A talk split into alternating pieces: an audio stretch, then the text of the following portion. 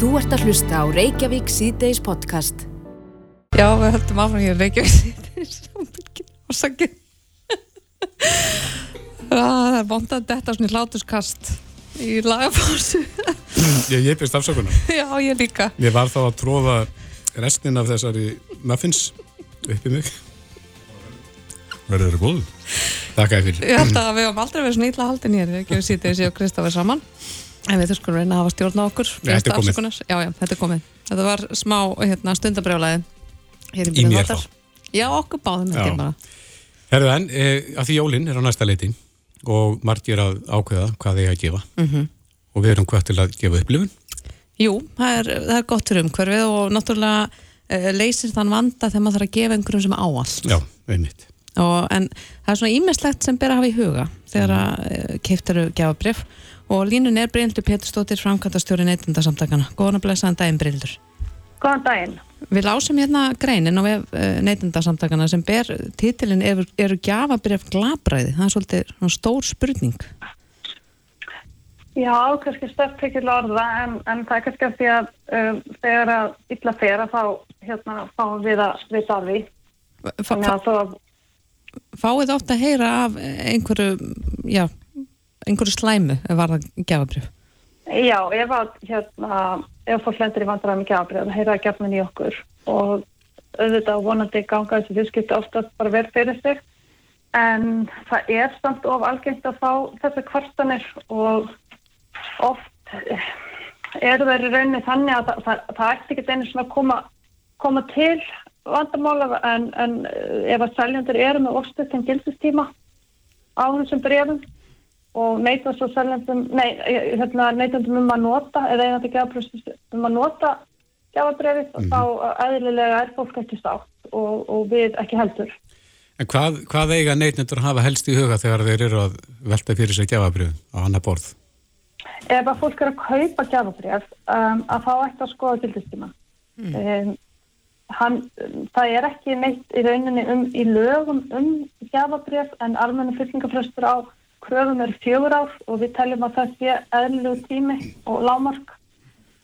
Um, ef að gafabrið er til dæmis bara eitt ár þá myndi ég láta reyna það við seljandana að semja og, og, og fara fram á lengri gildistíma um, eða færa viðskiptin eitthvað annað. Er, er svo kannski ágætt að við huga að maður fær gefabrif gjöfa að reyna að nota það bara sem fyrst? Það er mjög mikilvægt og góð punktur því að hérna bæði nýta þess að fyrst þannig að tímist ekki að gleymist og svo er það líka þannig ef að seljandi hætti starfsemi e, þá eru þetta nú yfirleitt kröfur sem fara aftast í kröfbúlkan og fólk styrta bara upp með svart ennið. Mm það, eru, það er alltaf eitthvað en það líka. E, þannig að nýta þessu fyrst og svo lögðu þetta brína bara fyrir seljandum að vera ekki að hérna, vera ekki með þetta vesen ef að, ef að manneska kemur inn með gjafa, gjafabref þá er búið að leggja peninga inn í, í fyrirtæki seljandi hefur fengið peninga í kassan og það er fullkomlega óæðilegt að neyta að veita þjónustu á þeirri fórstendu að, að gildtistíminn sé bara svona og svona langur. Þú komið viðskiptavinnin, búin að fá hann í viðskipti þannig að markaðarsettingin hefur virkað Mm -hmm. En á þeim tímapunkti, þegar við komum alltaf svo að taka eitthvað út úr vörni, að þá fer að styggja þennan viðskiptavinn. Þetta er, þetta er ofta tíðan bara þannig að við, við skiljum ekki hvað er að selja þetta gengur til. En sem auðvitað sem betur fyrir þetta e, seljendur í minnuluta, er bara mjög algengt að þetta gangi vel fyrir sig. En, en neytandi getur gert tímislegt til að hafa varna og seljendur ættu aldrei að meina sínu viðskiptavinnum að nota kjafafri. Já, en þú stakst upp á því að, að neytendur myndur en að semja við söluðalan um þá lengri gildistíma ef, að, ef hann er stuttur, stýttir en ár. Já, þá myndi ég gera aðtöðasemt og segja, bara ég vil ekki köpa gefabrifun um að gildistími sé að minnstu kosti fjögur ár. Mm Um, og ef að seljandi verður ekki við því, þá er það nóg að seljandum. Það, það fær, fær eitthvað annað, þannig að þetta er í rauninni samningsatrið, getur við sagt. -hmm. Um, hins vegar er, sko, ég var reyndar að hrósa að, uh, til dæmis eins og flugfélagunum, um tíma þá var eiginlega, þá voru langt flest mál sem við fengum vörðuðu gefabrif flugfélaga. Og það var auðvitað þannig ég mann rétt að æslandið var með tveggjara gildistíma og vá var með eitt ár. -hmm. þannig að allir vá hafi gætt vinningin þessum tíma í, í málum sem komið til okkar. Í dag þá er æslandir með held ég fimm ára gildustíma, play með fjögur og næst er með engan gildustíma þannig að við erum í rauninni hægt að fá mál sem verða flugfyrög en þannig að stærsti hópur núna í þessum er hérna eru veitikastæðir og hótel mm. Ég, ég maður sér það líka á svona tilbúðskjafabrifum á þessum svona tilbúðsíðum þar sem þetta er að kaupa gistingu eða veitingar eitthvað svo leiðis að sá uh mhm. er yfirleitt mjög stuttur jafnvel bara nokkru mánuður Já einmitt, þetta er, þetta er oft svolítið erfið þannig að við erum kannski að einmitt einhver, ekki áhugslega góð, fólk getur kert góð kaup um, en þá að samanskapi er gildistími mjög stuttur og ef þetta er eins og hótel er ekki þannig að fólk geti komist hvernig sem er og tíminn er fljóttir að líða þannig að uh, mm. já, ég svona persónlega myndi bara varlega þarna en, en ég myndi fólk stjórn fyrir sig bara að það komist alveg potið næstu helgi eða eitthvað. Líka, líka pínu flóki að vera að gefa öðru fólki svona. Já, gefa þeim verkefni. Já, nákvæmlega sko.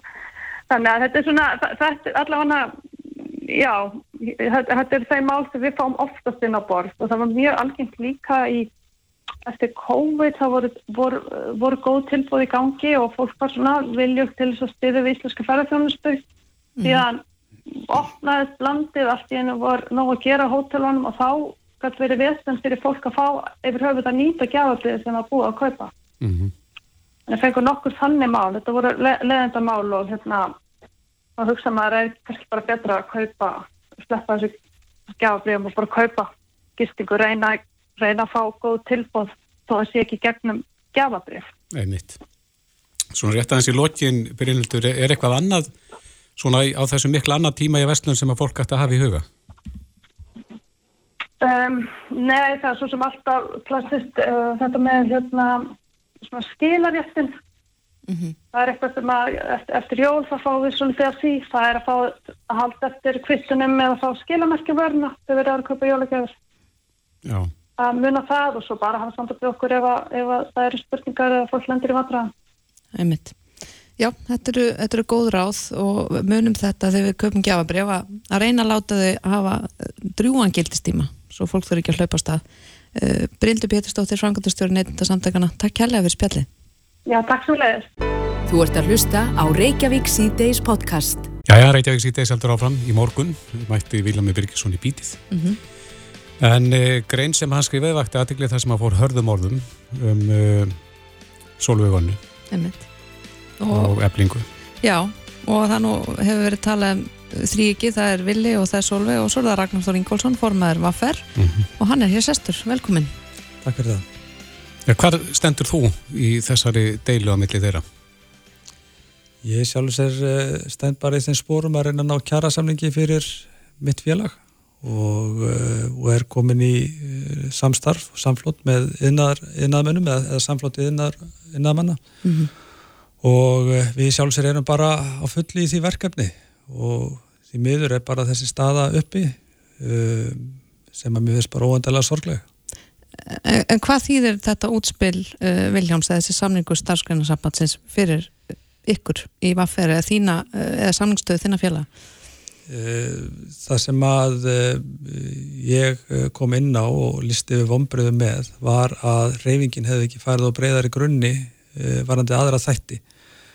Við erum í svolítið annari stöðu núna heldur en ofta áður. Það eru, við erum með eh, vandamáltengdum eh, lánunum, þeir sem að festu ekki vexti. Mm -hmm. og þar hafa afborganir hækkað alveg uppur öllu valdi og sumulegis líka húsalegu markaði bara húsnæðismálin almennt uh, og síðan hefur bara vöruverð uh, farið hér uppur öllu, við þekkjum þekkjum þetta öll, uh, við erum að horfa á fyrirtæki inn í einhverju fordamalösasta góðæri sem við höfum séð áratugum saman. Og það var metárið í fyrra og við erum að sjá enn betri stöðu teknast upp fyrir árið 2022 þannig að og, og það er alltaf verið að tala um einhverju óvissu. Og það er engin óvissa. Eina, eina óvissin hjá fyrirtækjunum er bara hversu miklu meiri verður hagnaðarinn á þessu ári miðan við fyrra sem var metár en, en síðan erum við með okkar umbjóður, fólki í landinu sem að stendu frammi fyrir gríðalegri framfæslega óvissu uh, þeir sem að festu vexti til dæmis óvertröfum húsnæðislánum munu fá gríðalega skell þegar, þegar þeir losna eftir 12 og 24 mánuði. Og það sem að ég var uh, kannski fyrir vonbyrðu með uh, varandi undirritun samningin hjá starfsgrænsambandinu og hef ekki tjáð með um hann efnislega vegna þess að öll höfu við eins og Vaffer og fleiri félög við, við erum með okkar samningsrétt og ráðum því alveg hvort við eh, semjum í syngur lægiða saman. En út af þessari floknu stöðu þá hefði ég talið heppilera að reyfingi væri svona meira samstíga í gegnum þetta ferli þar sem að ég sé bara ekki fram á það að launaliðurinn einn og sér nái utanum þann vanda sem við stöndum fram með fyrir og hann er margþættur og hann er ólíkur eftir, eftir, eftir uh, fjölskyldum og heimilum þannig að uh, ég taldi sterkara að uh, þó að kannski starfsgrunnsambandi hefði náðu niðurstöðu að kannski býða með að skrifa undir þá til að aðri var konir lengra mm -hmm. og nátt Hefði þá Viljón nátt að veri meiri samráði við til dæmis þeg og Solveig Önnu áðurinn að skrifa undir? Já það er eins og ég segi þetta er náttúrulega búið á gert. Þetta er bara staðan sem við erum í núna uh, og samtök aðlýsins hafa listi yfir að samningur staðskanarsambansins sé fordæmi skefandi fyrir aðra samninga. Og það kannski lýsir kannski best uh, þeirri stöðu sem við erum í þegar slíkar yfirlýsingar koma. En það sem að mér fannst mestumáli skipta að við vorum að reyna að vinna í því sameilega að, að að fá inn í samningan okkar einhvers konar tryggingu fyrir því að verðlag haldist að uh, samningar einfalla renn út eða verði lausir, fari, fari vísitalinn yfir ákveðin mörg eða einhvers konar tryggingu þannig að... Munið þið gera það af kröfu í ykkar samningum? Það er krafi í okkur samningi vegna þess mm. að það er alveg sama hvað við semjum um há laun, hvort það sé 20.000, 50.000 eða 100.000 ef þú hefur einhver tryggingu fyrir því að, eh, að því verði ver ekki vel bein, beinustu leið út í verðlægið sem að fyrirtækin bara geta nána skert daginn eftir ef það verður ekki aðhald. Og af hverju segja þetta verða að vera inni einhvers konar trygging fyrir því að, að fyrirtækin haldi verðstöðuleik og vinni með okkur og því að ná verðbulgunni niður og velti þess ekki beint út í verðlægið að þá horfi ég bara til reynslunar frá lífskjærasamningnum sem var stöðuleika samningur mm -hmm. við, við sömdum um stöðuleika, læri vexti og læri verbulgu og hvar stöndum við í dag? Við stöndum í 9,4% verbulgu og 6% stýrivöxtum mm -hmm.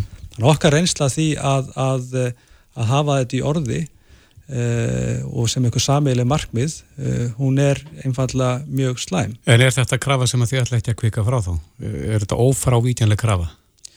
Já, sko, uh, ég get ekki séð hvernig við höfum að geta gengið frá kjærasamningi á þess að sé einhver trygging fyrir því að fyrirtækin og atvinnulífið hafi sameigilega hagsmunni og við að ná hér niður, niður verðbólku og verðlægi uh, vegna þess að þau hafa sínt uh, hitt gagstaða mm -hmm. og það staðfest alla tölur, alveg sama hvar, hvar við lítum. Fjármálakerfið, það eru hreinar vakstatekjur og aukast um 25 miljardar á milli ára og það var meðtagnaður í fyrra. Við sjáum þetta allstaðir í atvinnulífinu og alla tölur eh, millu uppgjör sem við höfum verið að skoða að það er bara fordamalega skóðari og engin merki þess að þar hafi verið sínd vottur á samfélagsábyrg þegar kemur að uh, segja, uh, stöðuleika, verbulgu og svo framviðs. Þannig að við viljum bara að þessari ábyrg verði, verði deilt og, og það hafi þá afleiðingar ef að uh, við munum sjá hvað við segja, við líka hérna hækkanir og við höfum verið að greina í okkar tölum og þá er ekki bara á verðlægi, heldur líka bara hagnað afkomu, arsemiskröfu og svo framviðs. Mm -hmm. ja, en svo við sögum hérna í inngangið og í byrjun þáttar, þá alltaf oft talað um ykkur sem þrýegi, það er þú og Vilhjálmur og Solveig Anna og það verða svona sveipari línu. Eh, Vilhjálmur er mjög stoltur af þessum samningi, segir hann bara einn besta samning sem hann, hann hafi skrifað undir. Er þá ekki bara fínt að hann sé fordæmiskefandi ef hann er svona frábær? Eh, við erum bara með allt eh, öðruvísi kröfur. Við hefum verið að leggja meira áherslu á, á samning fyrir uh, millitekjuhópana okkar sem að örðu svolítið út undan í síðustu samningum mm -hmm. og svo eru er fjöldþættar aðra kröfur. En, en ég ætla ekki að leggja mat eða dóma orð Viljámsum samningin en hins vegar uh, mín, snýrist mín vonbriði fyrst og fremst um það að það hafi ekki nátt samstaða utanum þessa leikil þætti þar að segja aðgera pakka stjórnvalda og sömulegis líka að ná fram einhvers konar tryggingu gagvart samtökum maturlýsins um verðstöðuleika sem við hefum gert kröfu um uh, sem að hefði gagnast allir reyfingun og öllum kjærasamningu sem á eftir koma. Þannig að það, þar liggur kannski svona grundvallar gaggrinni mín Uh, hún er nú ekki meirið það og ég vil nú ekki ganga svo langt að, að það kallist að, að kasta nýfum heldur bara, finnst mér svo gaggrinni vera bara málefnileg vegna þess að það hlýtur að blasa við fólki að eftir því sem að hellist úr lestinni innan reyfingarnar og fleiri stíga út fyrir uh, og geri kjærasamning þá mingar möguleikin okkar að ná uh, nægilegum þrýstingi á til dæmis stjórnvöld og samtök atvinnisis mm -hmm. fyrir svona sé, breið, breiðum kerfisbreytingum og einhvers konar uh, varnöglum sem við viljum að, að komi öllum til góða. Þannig að, þannig að uh, staðan uh, hjá okkur sem eftir erum er vissulega snúinn. Hún er, hún ger, þetta gerði okkur ekki auðvöldara fyrir en, en, en við förum bara áfram og verkefni fer, fer ekki frá okkur þannig að við ætlum að halda áfram og reyna og, og, og, og það kemur í ljós næstu dag hvernig skipulagið á, á þeirri vinnu verður. Viljið þið að ríkið sína eitthvað á spilin áður en lengra verður haldið? Sko ríkið er alveg búið að sína á spilin varandi eitthvað, það er búið að vera að vinna gagvar stjórnvöldum uh, hún hefur verið uh, mjög þjætt og uh, þó að sé ekkert í gangi ákvarðat núna, þá voru að vinna í þessu með heldarsamtökunum að einhvers konar pakka. En það þarf einfallega meira til. Það er ekki nóg að hækka bara húsalegubætur vegna þess að alveg svo með frístundastyrkina þegar frístundastyrkir eru hækkaðir þá hækka bara fjölaugin á móti mm -hmm. og jafnvel enn meira til. Það þarf að tryggja það líka að allir stuðningur og það stuðnisaðgeri sem koma til hvað sem að sé frá ríkinu eða annar staðar að e, það þurfa að tryggja það að það komist til fólksins á endanum eh, En hver er það núna? Hvenar þér að fara í vinnumvendala samninga nefnd vaffer, taka einhverja stöðu eftir þennan samning starfsgrunarsambatsins en hvenna er þá næsti samningafundu við uh, samtök aðvalífsins? Eh, Vi, við erum bara að ræða það núna uh, bæði við ríkisáttarsemjara og, og gegnum hann við okkar vissemendur hvernig fundaplani verður næstu daga. En tímaramin er reyni mjög naumur. Við höfum uh, við erum nánast fallin á tíma við að gera skamtímasamning þannig að þetta er þá eitthvað sem þarf að gerast bara mjög hratt og mjög vel mm -hmm. sem er kannski sem er mjög alltaf, erf, alltaf erfiða kringustæðir að vera að vinna undir ofmikillir pressu vegna þess að, að þetta er, kjærasamningar eru bara mjög mikilvægir og það þarf að vanda til verka. Þannig að eða á að ná skamtíma kjærasamningi að þá þarf að ganga frá honum bara á allir næstu dögum. Svo eru við komin inn í jólinn og, og svo eru við komin inn í janúar og þá er allir fórsendu fyrir skamtíma samningi í rauninni brostnar. Þannig að þá þurfum við bara að breyta um, um fasa og, og fara að tala um langtíma samning og ég held að, að ég get nú alveg sagt að, að það sé nokkur, nokkur mikið samstæðum þessa nálgun hjá okkur og yðnamenn. Mm -hmm. Hefur þið heyrst eitthvað í Viljarmi eða Solvögu eftir að þetta kom upp? Eh, ég hef ekki heyrt í Viljarmi, ég hef heyrt í Solvögu. Já. Og heldur það að sé möguleiti á sáttum þarna? Ég skal ekki segja til þess að en, en, en eh, þetta er, eh, fyrir mér er þetta bara fyrst og fremst bara mjög sorglega stað og ég er mjög, hérna, bara já, sorgmættur yfir þessu. Þetta er e-, eitthvað sem að maður, e-, já, átti ég kannski síst vonu að myndi gerast, að, að sjá svona e, þessi atbyrður og hvernig hún hefur þróast. En, Skilur þið Vilján og reyði hans? Ég, ég ætla að hafa bara sem fæst orðum, orðum það. auðvitað gæti maður alveg orðið reyður yfir hinn og þessu og, og ég get alveg orðið reyður líka en, en ég sé bara enga ástæða til þess. Þetta er bara staða sem er komin upp og, og ég er bara með verkefni núna í fanginu sem þarf að leysa. Og ég ætla að einbata mig fyrst og fremst á því í staða fyrir að vera munhaukvast við félaga mína og ofnböru vettvaki mm -hmm. Með það, Ragnar Þór Ingólfsson formar var færr takk kjærlega fyrir spjalli og gangið vel. Takk fyrir það. Þetta er Reykjavík C-Days podcast. Við vorum beðin um að kanna það eh, hvað rafbílar muni að hækka mikið í verði. Já, maður skilur alveg kannski fólk sé ekki alveg með þetta hreinu út að það voru svona misvísandi mis, mis, fréttir um ívilnanir stjórnvalda mm -hmm. varandi þessar hreinorku bíla. Mitt og þessi mál eru nú reyndar í nefnd e, þessa dagana og e, vantarlega muni þessi mál taka einhvern breytingum mm -hmm. e, býst í við en svona miða við það sem fyrir líkur að þá er spurning hvernig mun þetta breytast? Já, hún er sestetni hjá okkur, Marja Jóna Magnúsdóttir, hún er framkvæmdastjóri Bílgröðnarsambatsins. Velkomin. Takk fyrir. Já, það er spurning, Hva, hvað vitum við núna? Hvernig lítur framtíðin út? Já, Já, það eru breytingar í farvarsninu með fjárlagafrumhappi næsta árs og það eru breytingar á bifræðigjaldi en það er rauninni grunngjaldi er að fara úr 7.540 krónum sem er greitt tvísvara ári upp í 15.080 krónur og einnig verið að hækka svona krónutöluna á hvert umfram gram uh, um tæp 8%. En svo er það sem bílgreinin á erfiðara með að skilja eru breytingar á vörugjaldahækkun árafbíla við innflutning og lækkun virðið sauka skatts ívilunar nú um áramótin. Það er sem sagt afnám þessar ívilana sem hafa verið núna síðustu ár. Já, sko það var í byrjun og þá var átti að afnema í rauninni ívilninar þegar að 20.000 rafbíla kvóta væri náð mm -hmm. um, og við sáum fram á að það myndi nást uh, um mitt næsta ár. Uh, það er búið að gera breytingar á því. Þannig að það er búið að taka hennan 20.000 bílakvóta þannig við sjáum fram á ívilnunin mun halda sér út næsta ár. Mm -hmm. En hins vegar að þá í rauninni er verið að lækana og þetta er þannig að uh, fjárhæn hefur verið 1560.000 og um áramótin að þá lækkar hún niður í 1320.000 sem að leiði til hækkunar upp á 240.000 á rafbíl. Að auki í fjárlagafrömmarpinu er búið að bóða svo kallar 5% lámas vörugjald. Uh, rafbílar og aukutækirunni undir uh, 90 grömmum sem enga 90 grömmu undir hafa ekki verið að bera vörugjöld.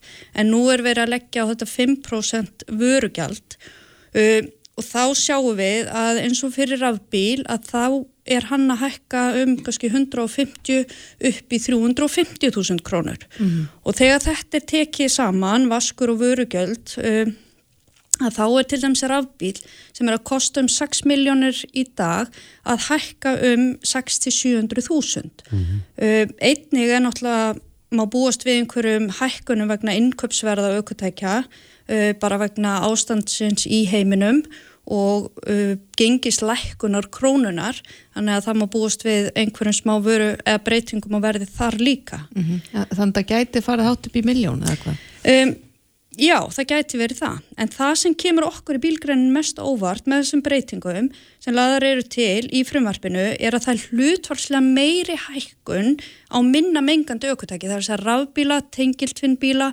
og aukutæki sem eru uh, með minni útblástur Um, miða við aukutæki sem eru með eins og bara dísilbíl, jæppi sem er með herra útblástuskildi að það er hlutvalslega minni hækkun á slíka bíla. Eh, hvað hækka, segjum einmitt dísilbíl, hvað hækkar hannum? Eða svona þessi meira mengandi bíla? Já, sem dæmi að vera með bensinbíl uh, sem er með litlu batteríi Um, kostar í dag um kannski 5 miljónir króna, hann er að hækka um tæplega 4,5%. 100% drafbíl, alveg einsbíl, hann er að hækka, um, já, einsbíl, hann er að hækka um hátt í 8%. Ef þú ert hins vegar með díseljeppa sem er hérna, dýrar og aukutæki og mengar tölverst mikið meira, hann er að hækka um 2,3%. Mm. Þannig við erum að sjá miklu minni hluthalslega hækkun á meira mengandi aukutæki og þetta finnst okkur mjög öfusnúið miða við þau skilabóð sem stjórnvöld eru að bóða þar að segja uh, þau hafa skuldbundi sig í að draga úr kolumbusklósun mm -hmm. Þannig að þetta passar ekki við, við það plan? Nei, í stjórnarsáttmála kemur fram að Ísland vilji vera í fremstu rauð þegar kemur að kolumbusmingun og losun og orkuskiptum um og stjórnvöld hafa sett það markmið að ná 55% samdrætti í losun á betni ábyrð Íslands uh, fyrir 2030 miða við árið 2005. Mm -hmm. En miða við fyrir ekki það sem að likur fyrir þarna að tellja að þetta komi til með að hægja á þessari þróun? Já, við telljum það og ef ég vitna í Guðlu Þór uh, umhverjus orku og loftlagsráð þeirra að þá hefur hann til dæmis spennt á í viðtölum við fjölmiðla að ef við erum að ná þessum markmiðum að þá liggur okkur á og samkvæmt niðurstöðu verkefnastjórnar aðgerar áallun stjórnvalda í loftlagsmálum, mjög langt orð, mm -hmm. liggja mest tækifæri í samdrætti, í losun í, hjá vegarsangungum. Mm -hmm. og því er þessi hröðu orkuskipti gríðarlega mikilvæg til að ná þessu markmiðum.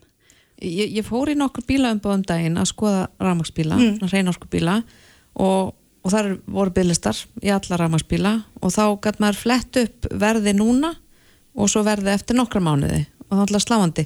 Um, er þá kannski, það var svolítið mín tilfinning að fólk væri að hlaupa til og kaupa bíla en áramóti kemur og svo mynda bara algjörlega detta niður eftir áramót. Ég held að kannski detti nú ekki alveg niður en við erum hins vegar að sjá og það sem að skýtur svona skökku við er að við erum að setja meiri, hluthalslega meiri uh, gjöld núna á minna mengandi aukutæki heldur meira mengandi aukutæki og bílgrænin hún hefur verið undirbúin undir herri álögur á í rauninni meira mengandi aukutæki, bensín og díselbíla uh, nú um nokkuð skeirt vegna þess að kröfur á bílaframleðendur hafa stöðugt verið að aukast í að gera uh, velar, uh, náttúrulega minna mengandi. Mm -hmm. Og það er í rauninni fáar greinar með jafn hraða tæknibreitingu á síðustu tíu árum og bílgreinin. Hafið þið komið ykkar ábendingum á framfæri við stjórnvöldna því ég sagði hérna að þetta er náttúrulega nefnd núna og, og vera að vinna í þessum málum?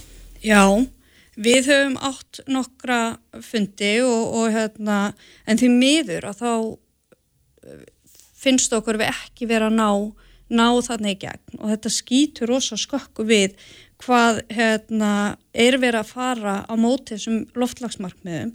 Uh, við höfum líka hirt tala um það að uh, það sé erfiðara fyrir landsbyðina að taka þátt í þessum orkuskiptum og því tók ég út af eins tölur til að sjá hvernig þróunin hefur verið á landsbyðinni miða við höfuborgarsvæði mm -hmm. og við sjáum það og hún er í takt við það sem er að gerast hérna á höfuborgarsvæðinni við erum komin með aukutæki sem eru með lengri dregni heldur en var.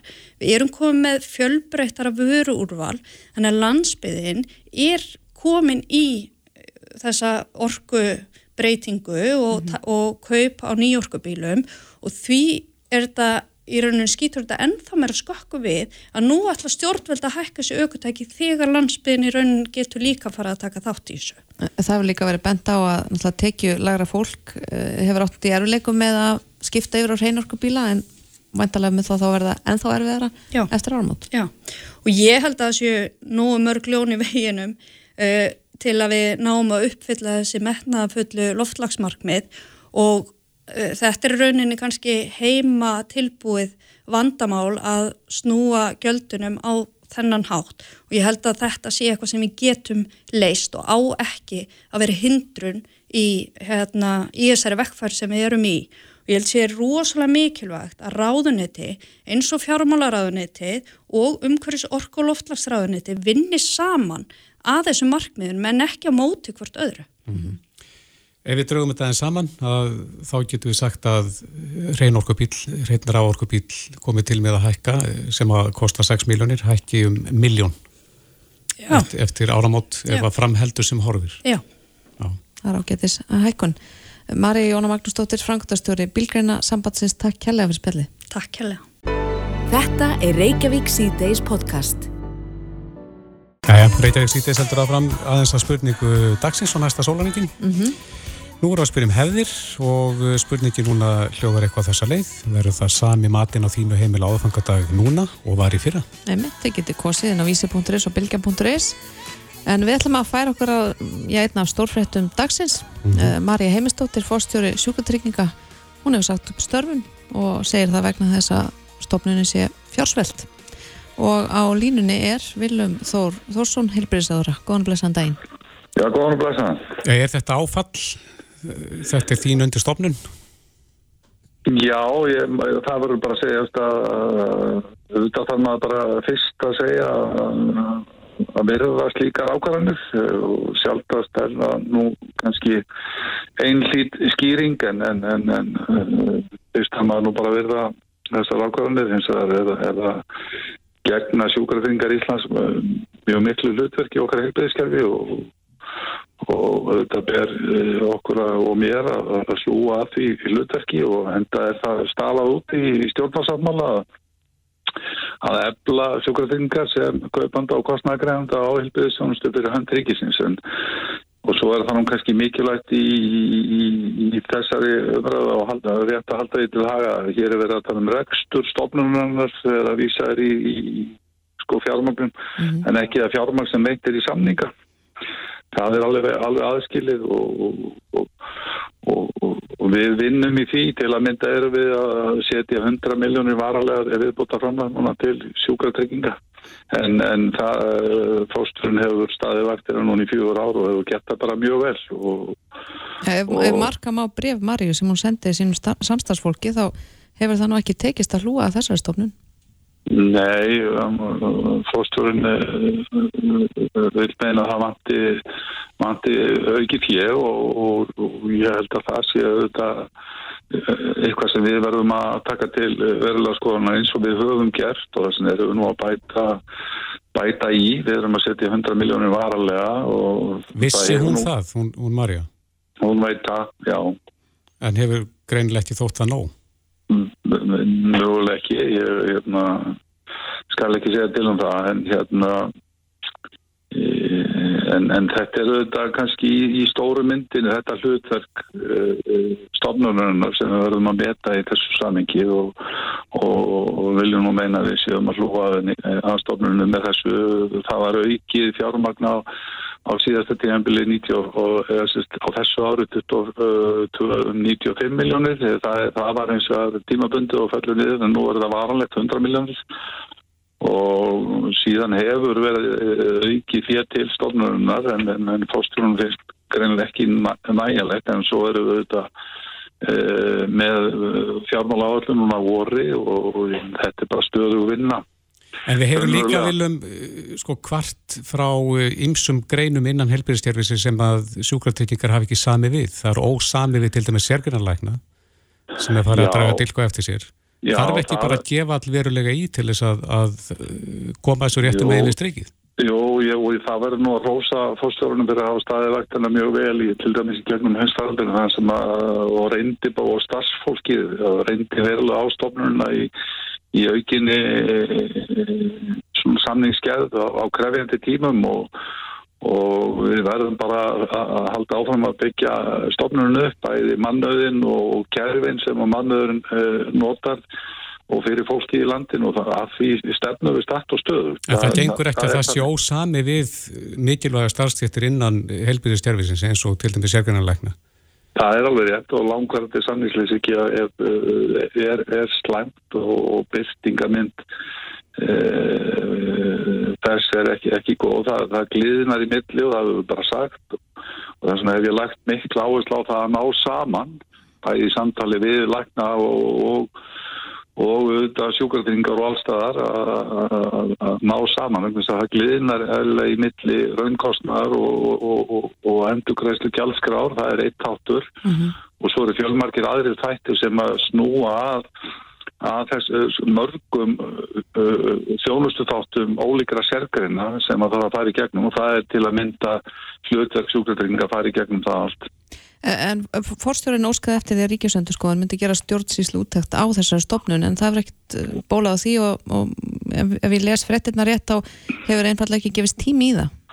Ég vil nú meina sko stofnun hafi farið í gegnum mjög jákvæða breytingar og, og, og, fórstjórin eh, staðið sem mjög vel í fórgangu það, það eru til úttektir, eh, bæði allavega tvær úttektir á liðnum árum sem að draga það bara eh, skipt fram að við þurfum að, að hlúa betur á stofnun og þess vegna settum við þetta inn í stjórnarsáttmálar núna í upphafi þessa kjörtíðanbils og, og, og, og er ástæðan fyrir því að við erum að auka framlögin en, en, en Ríkistjónin hefur uh, á liðnum, sko að ég fer alveg til 2017, þá hefur umframlögin og vel að veri, settir inn öfnir hjármunir um, stofnunum var í kringum miljardur 2017 síðan kemur hjálpa tekja miðstöður enda þar inn Þannig að, að þetta, þetta, þetta hafa verið umfram það aukin framlega. Hún er 2 miljardar á næsta ári mm. í rekstur. En, en nei, nei, þetta er bara verkefni og þetta er bara vinna og, og, og, og það eru þetta bara mjög miður. Fórstjórun hefur, hefur sterkan öflugan bakgrunn og þekkingu og unnið bara mjög vel. En, en hvernig var þið við viljum þegar þú férst þetta uppsagnabrjóti þannig að fá heyrt að forstjóra ríkistofnana segja upp síðan? Já, ég, mér fannst það auðvitað miður og kom þeim skilabóðum áliðis og við höfum átt bara reglubundin samtöls og, og ég reyni að passa upp á það þetta er reglubundi fórstjóðunarstofnuna þetta er, þetta er mikið verkefni að stýra stofnunum í heilbríðskerfi og þetta er nú kannski til þeim stofnunum sem eru kannski svona að bakka upp fólkið okkar á vettfangi og, og, og þannig að það er, það er bara mjög mikilvægt að hún sé öflugur uh, kostnagreinandi og, og þjónustu kaupi og við vinnum í því. Við þurfum að hafa mannskap á vaktinni. Ég, ég og sér get ekki mikið meira tjámið um það. Við vinnum í þessu statustöðu þetta er mjög mikilvægt. Varðandi sérgrannlegnar þá er það kannski full einlít skýring að segja að það útskýri samningsleysin Já, þetta eru er flóknir samningar og, við, og ég bara segir það enn og aftur finn mikla vonið við það að við náum saman vegna þess að það er bara mjög mikilvægt. Viljum Þórðórsson, þú ert ekki bara í, í slæmufréttunum, þú ert líka, er það ekki að kynna á samt félagsmálar á þeirra aðgerðir í þá aldraðra? Já, það var, það var mjög öflugur og skemmtilegur gaglugur, fóðlugur kynningarfundur verkefnastjórnar um heildarendur skoðan á þjónustu við eldra fólk með yfirskriftinni það er gott að eldast mm -hmm. og það á að vera gott að eldast á Íklandi Já, og svona í stöttum álega því við erum að falla á tíma í nótskurt út af hvað gengur það? Jú, það, þetta gengur út á að það að þjónustu kæðjan virki og fólk finn ekki fyrir því hvers slags þjónustu að hver er að veita þjónustuna hverju sinni e, að heyra undir félagsmálarandi eða helbriðisandi, hvernig er það helbriðisþjónusta eða félagslega þjónusta eða hvort að sveitafélagi komið þar af. Þetta sé ein heilstæð e, samhend þjónustu kæðja. Það sem að forvarnir og helsuöfling og endurhæfing e, eru, eru í, í kjarnar sínum á, á bakvið þjónustuna. Þannig að að einstaklingurinn hafi aðgang að fjölbreytti samþættri þjónustu. Það er nú í, í kjarnarsýnu það sem þetta snýst um og svo bara eins og við viljum alltaf segja það að það er gott að lifa lengi og, og, og enn betra að lifa vel. Já, við kynum okkur þetta betur síðan en Viljum Þór Þórsson, eh, heilbyrjarsáður að kæra þakki fyrir þetta. Miklu frekar, kæra þakkir. Var alltaf 22 minútur í 6 og uh, við rákumst á mjög skemmtilegt viðtal í, eða grein í morgunblæðinu. Já, uh, viðtal við hann Braga Jónsson sem að vinna við það að mm -hmm. passa hús fyrir aðra, svona house-sitter heitir það vist á ennsku, við eigum kannski ekki neitt nógu gott íslenstorð. Húsvarsla, getur það verið? Já, hann er ekki húsvörður samt. Nei. Nei, nei. En uh, Bragi er á línunni, góðan að blessa hann daginn Bragi. Sælverði, góðan daginn. Þú ert á Spáni? Já, ég er í Marbella á Spáni. Ú, og ert að passa hús? Já, ég er að passa hérna íbúð og er með eitt kött líka. Já. Þannig að ég er svona, ég vil helst hafa einhver dýri í þessu þegar ég er í þessu. Ég enda að vera í því líka á þess að vera með dýr en, en, en það er bara verið einu svona tveisa sko. Mm. En er það aðalega út af dýrónum sem ekki er að það stíli eftir einn sem að þarf eitthvað til þess að sitja inn á heimilinu og vakta? Já, Já, það er, það er reyndar hvortvekja sko, það fer uh, svolítið eftir hvernig það er eins og hérna sko, þetta er uh, vaktasvæði eða afgjörssvæði, þetta er íbúður hérna sko mm -hmm. og þannig að það er kannski ekki mikið mál því að hann hefur verið skilin eftir hérna þannig að það er sterkar sem gemur og gerir seint hérna mm -hmm. og þrissar í viku sko. Mm eins og áður ég kom og þá var hún að passa hann í nokkra dag áður ég kom að ég komast ekki eh, á réttum tíma þegar þau fóru mm -hmm. en svo er það hús sem eru sko einhver staðar þannig að það er ég kalla það líka öryggiskerslu sko Já, en af hverju viltu hafa dýrin? Er það bara upp á félagskap? Upp á félagskapin, já, já, ég kann vel við mig í félagskap dýra og, og, og finnst það svona bara skemmtilega öllu leiti, sko. Mm -hmm. Og helst hunda, ég er meiri hundamadur heldur en kattamadur, en, en ég passa alveg på þetta, það er ekkert mál, sko. En, en er þetta aðalega hundar og kettir eða hefur þið passað einhver önnur framandi dýr? Ég, ekki framandi, ég neit algjörlega til að passa slöngur og eitthvað svoleiðis, mm -hmm. en uh, ég hef verið náttúrulega að passa kaninur, en ég passa sagt uh, hunda, ketti, hesta, hænur, það er svona það sem ég hef eh, enn sem komið er passað. Já, og þegar þú ert að passa hunda og svona þá þarfst að fara út í göngutúr og viðra og slíkt, en ekki? Já, já, já, jú, jú, reyndar ekki alltaf. Ég uh, lendi í því til og með hérna á Spáni fyrsta veturum minn held ég að verið að þá áttu hjónin það, það stórst afkitt svæði og það voru þrýr hvítir hundar sem að sjátt á þessum myndum þarna, meðal annars í mokkanum að þeir hafðu bara frítt svæði sem er gátt að hlaupa þeim rosalega stóð þá var bara að opna dittna klokkan 8 á mótnan og hlaupa þeim út Já, Já. já. En uh, þú vannst sem uh, öryggisverður hjá Securitas hérna heima, er það ekki? Síðustu árin áður ég fór í þetta alfæri þá var ég hjá þeim sko ég Já, það hlýtur að hjálpa til inn á já, já, fyrirskanni. já, já. Já, já, já, ég nefni það náttúrulega sjálfsögðu sko, þannig að það, það, það er náttúrulega fólk, uh, maður telur að fólk fýlir sig örugara við það að, að vita að maður hefur í örgskæslu, en reyndar er ég komin með búnt af góðu meðmann, þannig að ég er alveg uh, í góðu lagi með það allt saman sko. Eh, Hefur þessast verið í þessu lengi?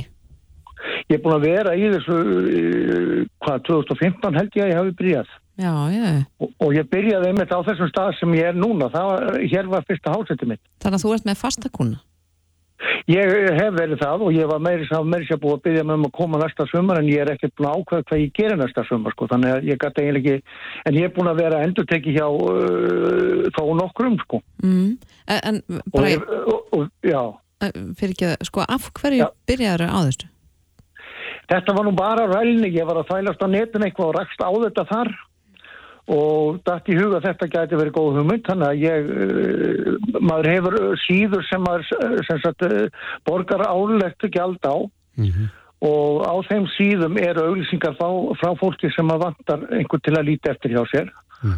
Og ég komst þar í, í samband við mjög góðan aðila hjá síður sem heitir houseitmats.com og hún hjálpaði mér alfarið með að komast af staði, hjálpaði mér að byggja upp uh, prófæli minn og, og allt það sko og, og kom mér í samband við þetta fólk hérna og þannig byrjaði þetta sko en svo ég að vera á fleiri síðum í gegnum árin líka sko þannig að, að en, en held alltaf tryggði þetta hásveit mats reyndar Já. en þá sko En bara, ég- er þetta vel borgað eða eh, færðu bara... Þetta er ekki borgað. Nei, þú, þetta er bara frítt húsnæði og svo félagskapið stundu við dýrin. Já og uh, í sömum tilfellu það kemur fyrir sko að maður fái uh, mat, uh, fólk segir oft líka sko, þú veist, uh, það sem er í ískap og fristu það gengur þú bara í. Já. En, en ertu Og- og að með- þessu, uh, uh, mm. eh, ertu að þessu út matan heim, eða hvað? Ég hef reyndar ekki verið svo víða ennþá, ég er búin að vera, síðan 2020 er ég búin að vera nánast alveg í Englandi nema ég skrappi í mánu til rúmlega til Spánar í fyrra, í nóvumber. En uh, ég er búin að vera sett, hérna á Spáni, byrjaði hér og var fyrstu árin hérna, fór svo þarna 2020 til Englands, reynda var ég þar í fjóra mánuða og þess að hafa hálsitt út af COVID sko. En, en hérna, svo hef ég verið eitt hálsitt í Danmark, en það er fyrir fólk sem á hús líka, uh, hérna, uh, fólki sem á þess að, tvo, þess að fjóra hérna hvítu sefrunda, að það á hús líka í Danmark og þau fluttu þanga með sem sagt testana og, og ég var að passa tvo hesta fyrir þau þar á Spáni og hundana og fimm ketti.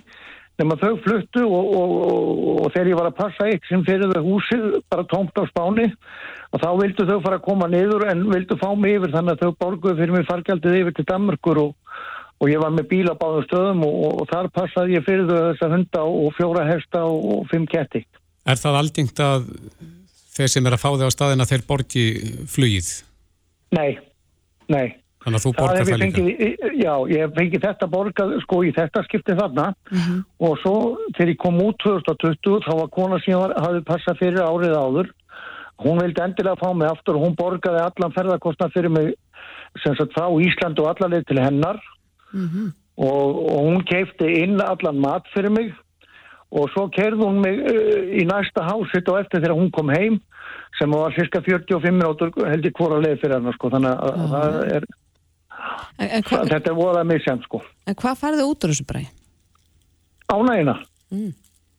Og ég er svolítið einfari hef alltaf verið og, og mér líður alveg vel einum og, og með dýrónum mínu sko. Þannig að ég er alveg góðu þannig og svo er ég búin að kynast fólki svona hér og þar eins og hérna til þess Marbella. Ég er aðeins fyrir utan Marbella, stað sem heitir Guadalmina og uh, það er góð vinkona mín uh, sem að reyndar uppalega var vinkona vinkona minnar sem að ég var svo kynntu fyrir hérna inn í uh, Marbella centrum og ég fer þá gannarslega og við hittust og fáum okkur aðeins bjór og eitthvað svona sko Já, já. Og, og ég reyndar núna er ég flottur á, ég leiði með bíl bara í þrjá mánuði, ég verð hérna til 15. janúar sko. Já. Og ég fór hérna með vingurum minni sem er heimsókn hjá mig núna reyndar sem er líka hásettari að við fórum til Gíbraldar og ætlum að reyna að ferðast eitthvað aðeins meira um svæði hérna og svona þannig að maður hefur ímestlegt að, að gera því að ég get alveg fara frá kettinum heila dagurum með það sko. Já, akkurat. Fyrir þá sem að eru spenntir og, og vilja stíga sín fyrstu skrifið þessu, með, með hverju mælir þú? Hvað fólk Ég gera? mæli, sko, ég mæli með því að, að uh, melda sig inn á síðu til dæmis eins og houseitmats.com. Það er mjög góð síða, hún er rosalega hjálplega svo sem að hefur það, hún er góð vinkona mín og ég er búin að hitta hana þessar fjórusunum og uh, aðalmáli þegar að búða að melda sig inn á síðuna hvort sem það er þetta eða annað, annað sem heitir trustedhousehitters.com líka að það er að byggja upp góðan prófíl eða prófæl eins og kallum að sko. það er að uh, bestjaflega er hægt að koma með myndir af sér með dýrum og, og jafnvel einhver meðmæli uh, annað hvort eins og ég gerði ég uh, setti inn meðmæli frá fyrirvændi vinnuveitundum minn meðal hans hóttur sögu og fleiri dæmum sko þannig að, að það er að, að, að bara presentera sér vel sem að sletti Já, þetta er ævintýri.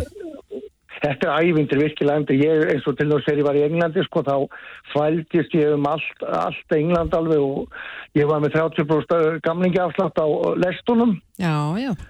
og ég bað um það, ég nefndi það í, þegar ég var að sækjum að þá sagði ég það að í flestum tilfellum bæði ég um ferðarkostna í lestunum greita. Það gekk að mestu leiti bara mjög vel sko en bara til að nefna svo dæmi hjá mér sko sem var svolítið sérstætt, ég borgaði 300 eurur í upphæði til að komast inn í systemið Já, í þetta þryggja mánu háseit sko bara á samastað og ég er núna sko já. Þetta er ekki alveg gefið. Marg Nei, ég sko, þetta, þetta er náttúrulega eh, sko, ég þarf náttúrulega að halda mér uppi hvar sem ég er Mhm. nema ég er ekki að borga leigu Nei. Að Sko, þrýfa að- svona? Tek, tekur húsi í gegn áður en að eigandi koma heim? Ég gerir það yfirleitt en eins og til þess hérna, hérna er einn sem kemur og þrýfur alltaf, ég sé náttúrulega bara um að halda eldúsinu vel uh, góður sko, Já. en hún kemur þessi eins og hún gerði þegar þau voru hérna, hún kemur trísvar í viku, trísvar eða trísvar í viku sko. Og það er mjög oft sem ég fengið uh, þannig hásett að það er einhver sem kemur og þrýfur og ef það er hús til dæmis þá kemur uh, mjög oft eins og í England, það var mjög oft að koma uh, garðirkjumadur Já, þetta er algjör, algjör drauma lífbrei. En það skemmtilega sem ég lendi reyndar var að það var fólk sem að þessi hjón hérna hafði mælt uh, með mér við. Og ég fór þangað og, og þá var það yfir 200 fermetra íbúð. Og svaðirna voru svona helminguna því cirka, ja, 100 fermetra cirka og þar var ég með bara uh, brita get ég kallað. Jáhá. Hann þreif allt, hann þóði fóttið minn, ströja skiptum minnar og bjóðum rúmið mitt.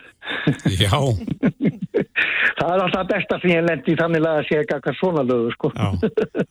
Standardin hefur hækkað aðeins jáðu við það.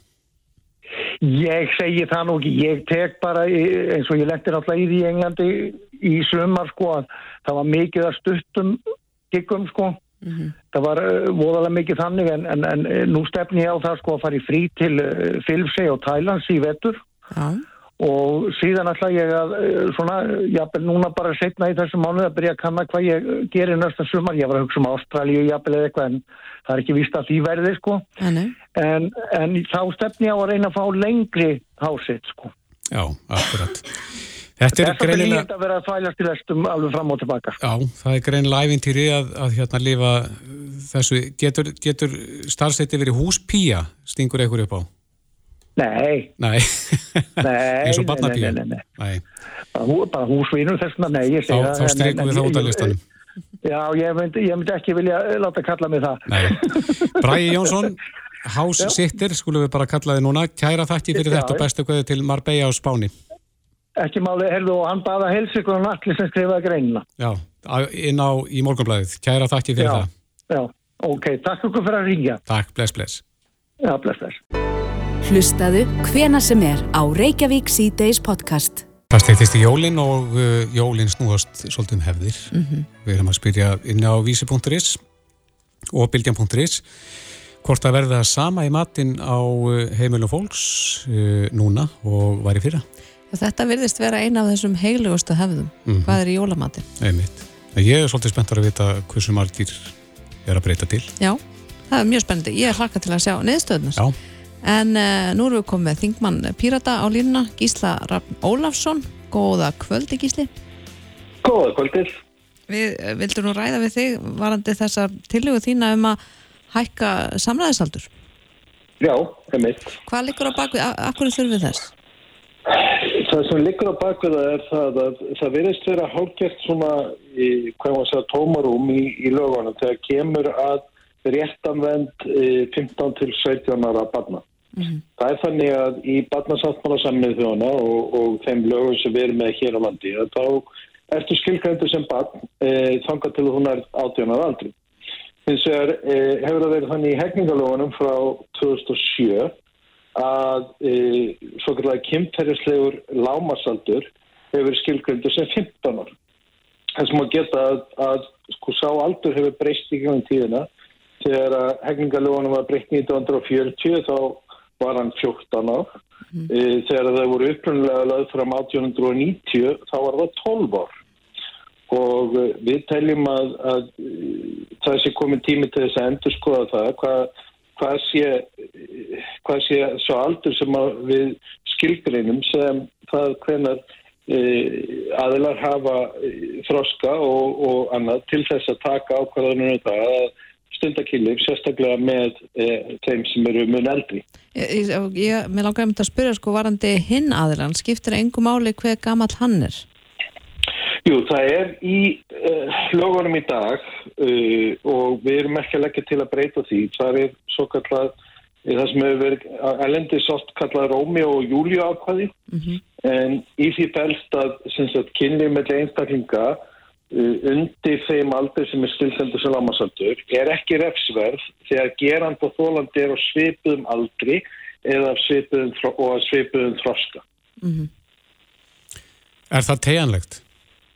Svipaður Og það hefur aldur? verið, já, það hefur verið sem sagt, e, það hefur verið gert þannig allavega að dómurum að þeir hafa, það hefur verið sett í, í þeirra svona vald að, að, að skilgrana það.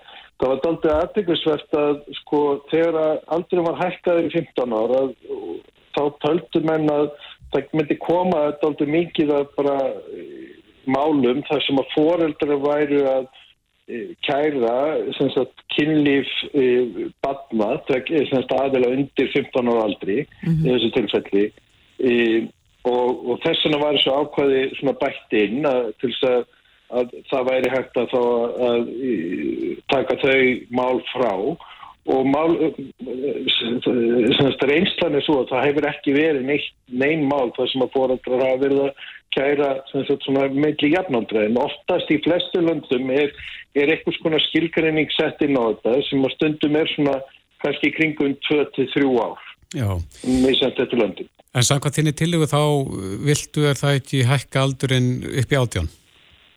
Jú, að því að sko þáka til þú verður átján og þá ertu í rauninni bann og við erum bara með dæmi, því miður, mjög mörg dæmi, bæði nýleg úr, úr, úr fjölmiðlum og, og, og líka úr, úr hérna bara dómum, þar sem að e, miklu eldri aðilar er að nýta sér e, þroska munnin og, og það að þó svo að við komum til orðin 15, 16 eða jafnvel 17 ára að ef, við, ef að hinn aðilin er kannski 30-35 það er að sjálfsögðu mikill þroska munur þarna á milli og oft þannig að, að eldri aðilin notfæri sér þann mun til þess að svona þess að á ennsku hefur verið kallað grooming eh, eða grúma á íslensku en það er svona eiginlega tælingar hlut, tælingar við sem mati eða þessu leiti en gengur út á það að svona þú rektar upp ákveðið trúnaðarsamband við viðkomandi svo leið og viðkomandi verður 15 ára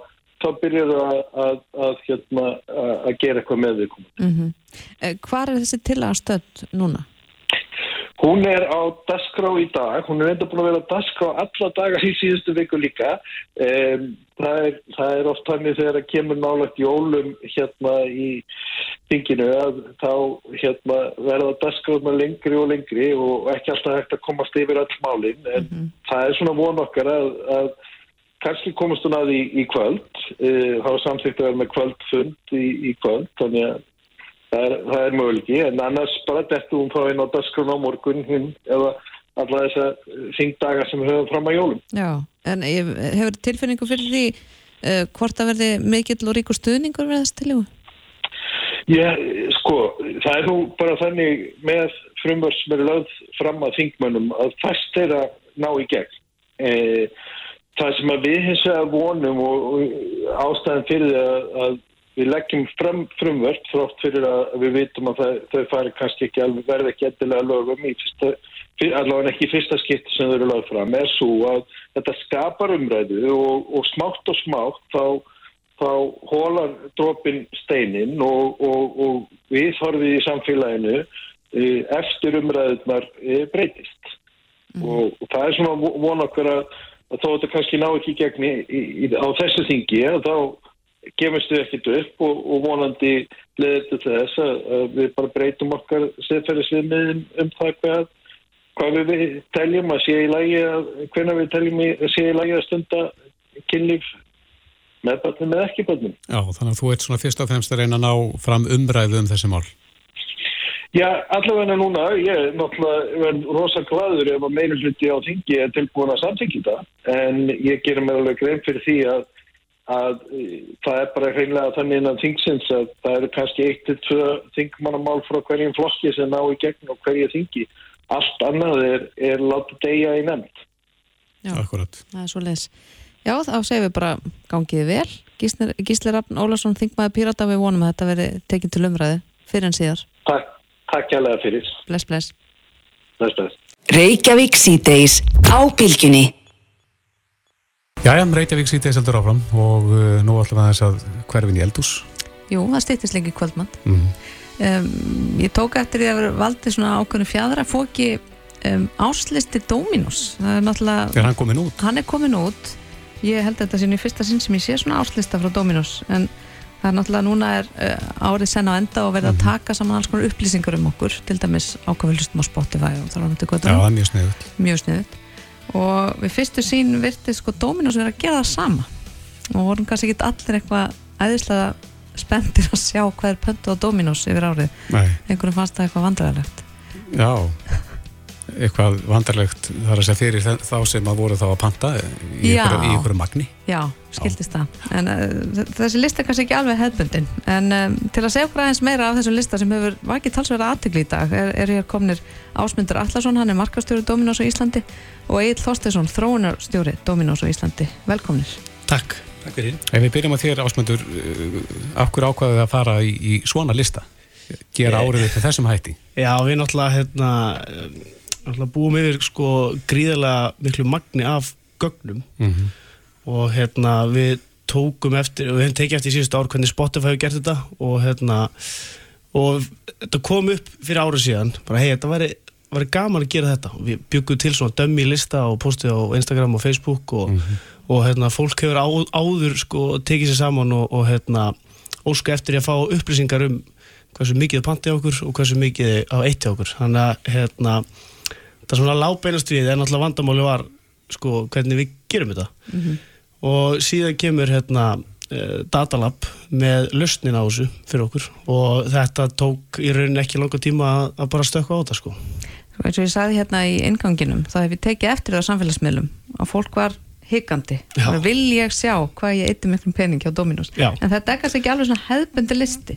Nei, alls ekki. Og, hérna, og síðan er náttúrulega mjög eh, svona kannski takmarka af upplýsingu sem við getum eh, gefið fólki. Þannig að við byrjum á nokkur svona grunni upplýsingum bara um okkur og hérna erum með, uh, með minnir 12 mismunandi hérna, staðarendir sem að fara á mismunandi. Þannig að þú veist, ég fæ bara eitthvað þrjár næsta mannski fæ þrjár og svo framis og síðan fer, fer þetta meira í svona hérna, persónlegar upplýsingar. Og þá frekar að segja fólki hversu mikið þau panta þá er það hversu marga mínúti þau sparað í eldhúsinu ég sparaði með 774 mínútur í eldhúsinu Já, það er tölvert. Það er vel gert En hvað segir þróunarstjórin Egil? Það þarf að leiða saman hérna fullt af upplýsingum úr gagnagrunnum. Já, þetta er, þetta er tölver vinna og það má alveg segja að við hefum byrjað undurbúninga á þessu, já, svona í ágúst Mhm. Og svona höfum verið að nýta allt hausti að að setja þetta fram. Þannig að þetta er ekki hrist fram úr erminni bara núna tjóðum? Nei og það eru margir aðalega sem koma að þessu. Við þurfum að það er ekki, það er ekki nóg að vera bara með gögnin, við þurfum að skilja þau og reyna að draga fram eitthvað svona Mhm. sem er áhvert og fólki finnst skemmtilegt.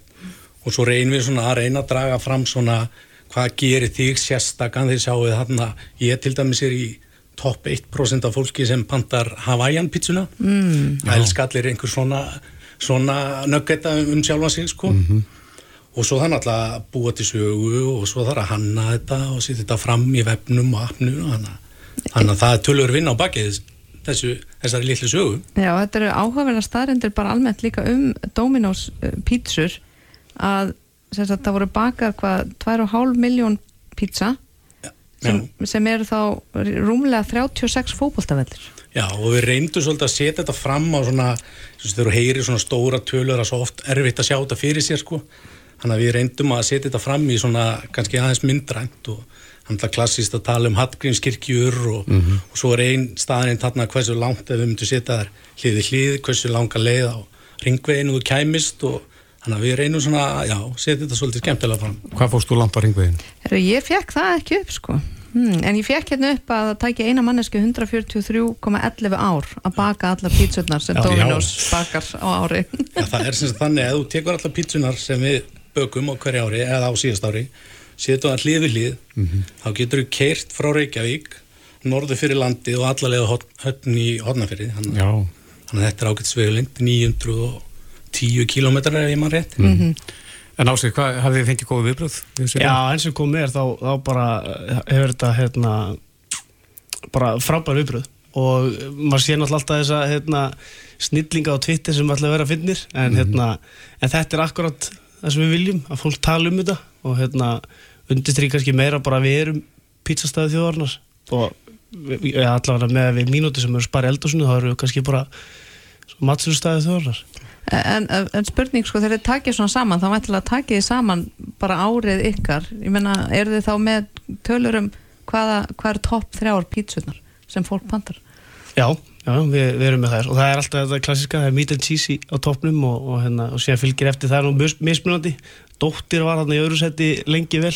Hún kom hérna hún kom í fyrra eftir Óskapítsu þjóðarnar þar sem fólk gætt búið til sín eigin og sendt inn og sem var kostning og hérna það er alltaf margarita og, og hérna og Dominus Extra. Extra En meat and cheese er eiginlega stofnun bara einu sér sko. Hún okkar Hvað er á henni? Það er skinka og pepperoni, piparostur, rjómostur og, og svartu pipar. Já. er hún alveg langvinnsalust Hún er lang, langvinnsalust. Hún er, hún dettur ekki inn á lista hjá mér eftir sko. en það, eins og Ási segir, þetta hafi verið góða hana viðtökur og, og ég sé það að það er yfir 6.000 manns búin að sækja sögurnar sínar og svo sér maður þarna á, á samfélagsmiðlum að fólk er órætt við að deila þessu. Mhm. Þannig að það þarf enginn að skamma sem fyrir það að hafa pantað eitthvað hjá Dominos. nei, það spila kannski inn í að þið eru ekki nákvæmlega að segja mér hver oft ég hef pantað Nei, nákvæmlega En það er líka hérna, við, við komum eina slætu þar sem að þú ert annarkvort í tím ananas eða tím ekki annars og hérna, það hefur náttúrulega verið svona debate síðustu ár hvort að annars segi heima á pítsu Mhm. eða ekki Vitið hvernig svona heldatalan er þar? Já, það er allavega 50,7% þjóðarinnar sem að pantar annars hjá okkur Já Já, og ef við skoðum þetta þá er þetta breyst aðeins í fyrra þá var sko tíma ananas að tapa fyrir ekki tíma ananas Mhm. þetta færðist aðeins á milli ára Já, já. þannig, þannig að það er ekki allir með, með fósitanum í liði sko. Nei. Nei, ég sé sko að mín, mín uh, mitt ári er svolítið smitað af börnum og, og mögum sko, eða maka Já, við myndum vorum við hérna Þannig að það sem að fólk lendi líka í með Spotify mitt að að hafdísvöld á, á listan það er að svæfa á, á kvöldin. Þannig að við hérna, gerðum smá gríni, grína því í hérna svona uh, auðlýsingur sem byrjuðu í svona smá tísfasa og hérna og það er mitt tókuð fram. Minna, þetta er topplisti sem krökkunum kemst líka að skemma. Já, kvítlausbröðið mitt hafði svöld En uh, botnarnir eru misjafni líka. Vitið hvernig þeir standa? Er, veit fólk þunna eða þykka? Já, það er það er nú allir gangur í því en okkar svona klassíski Dominos bot sem er þyk- þykkari, hann er nú vinsalastur Mhm. svo hefur sagt, þinnri útgáfan sem við kvöllum Italian hann hefur verið að sækja svolítið í, í sig veðr, veðrið og svo, svo er já, svo pönnupítsan, hún, er- hún er sterk líka en þetta er svona hinn hefðbindi Dominusbótt, hann er, hann er vinsalstur Já. Þú voru að fara að kíkja á þetta. Kristofur, ég er búin að ná mér í mína, mína sögu. Já, Þú ég þarf að kíkja næstur. mín og hún Já, við kveitjum bara allir þess að kíkja á þetta. Já, er hún ekki mjög merkileg þín saga? Nei. Nei, það sést á þér líka. En Ásmundur Allarsson, markastjóri Dominós á Íslandi og Egil Þorstensson, þrónustjóri Dominós á Íslandi. Takk kærlega fyrir spjallið. Takk það Takk fyrir okkur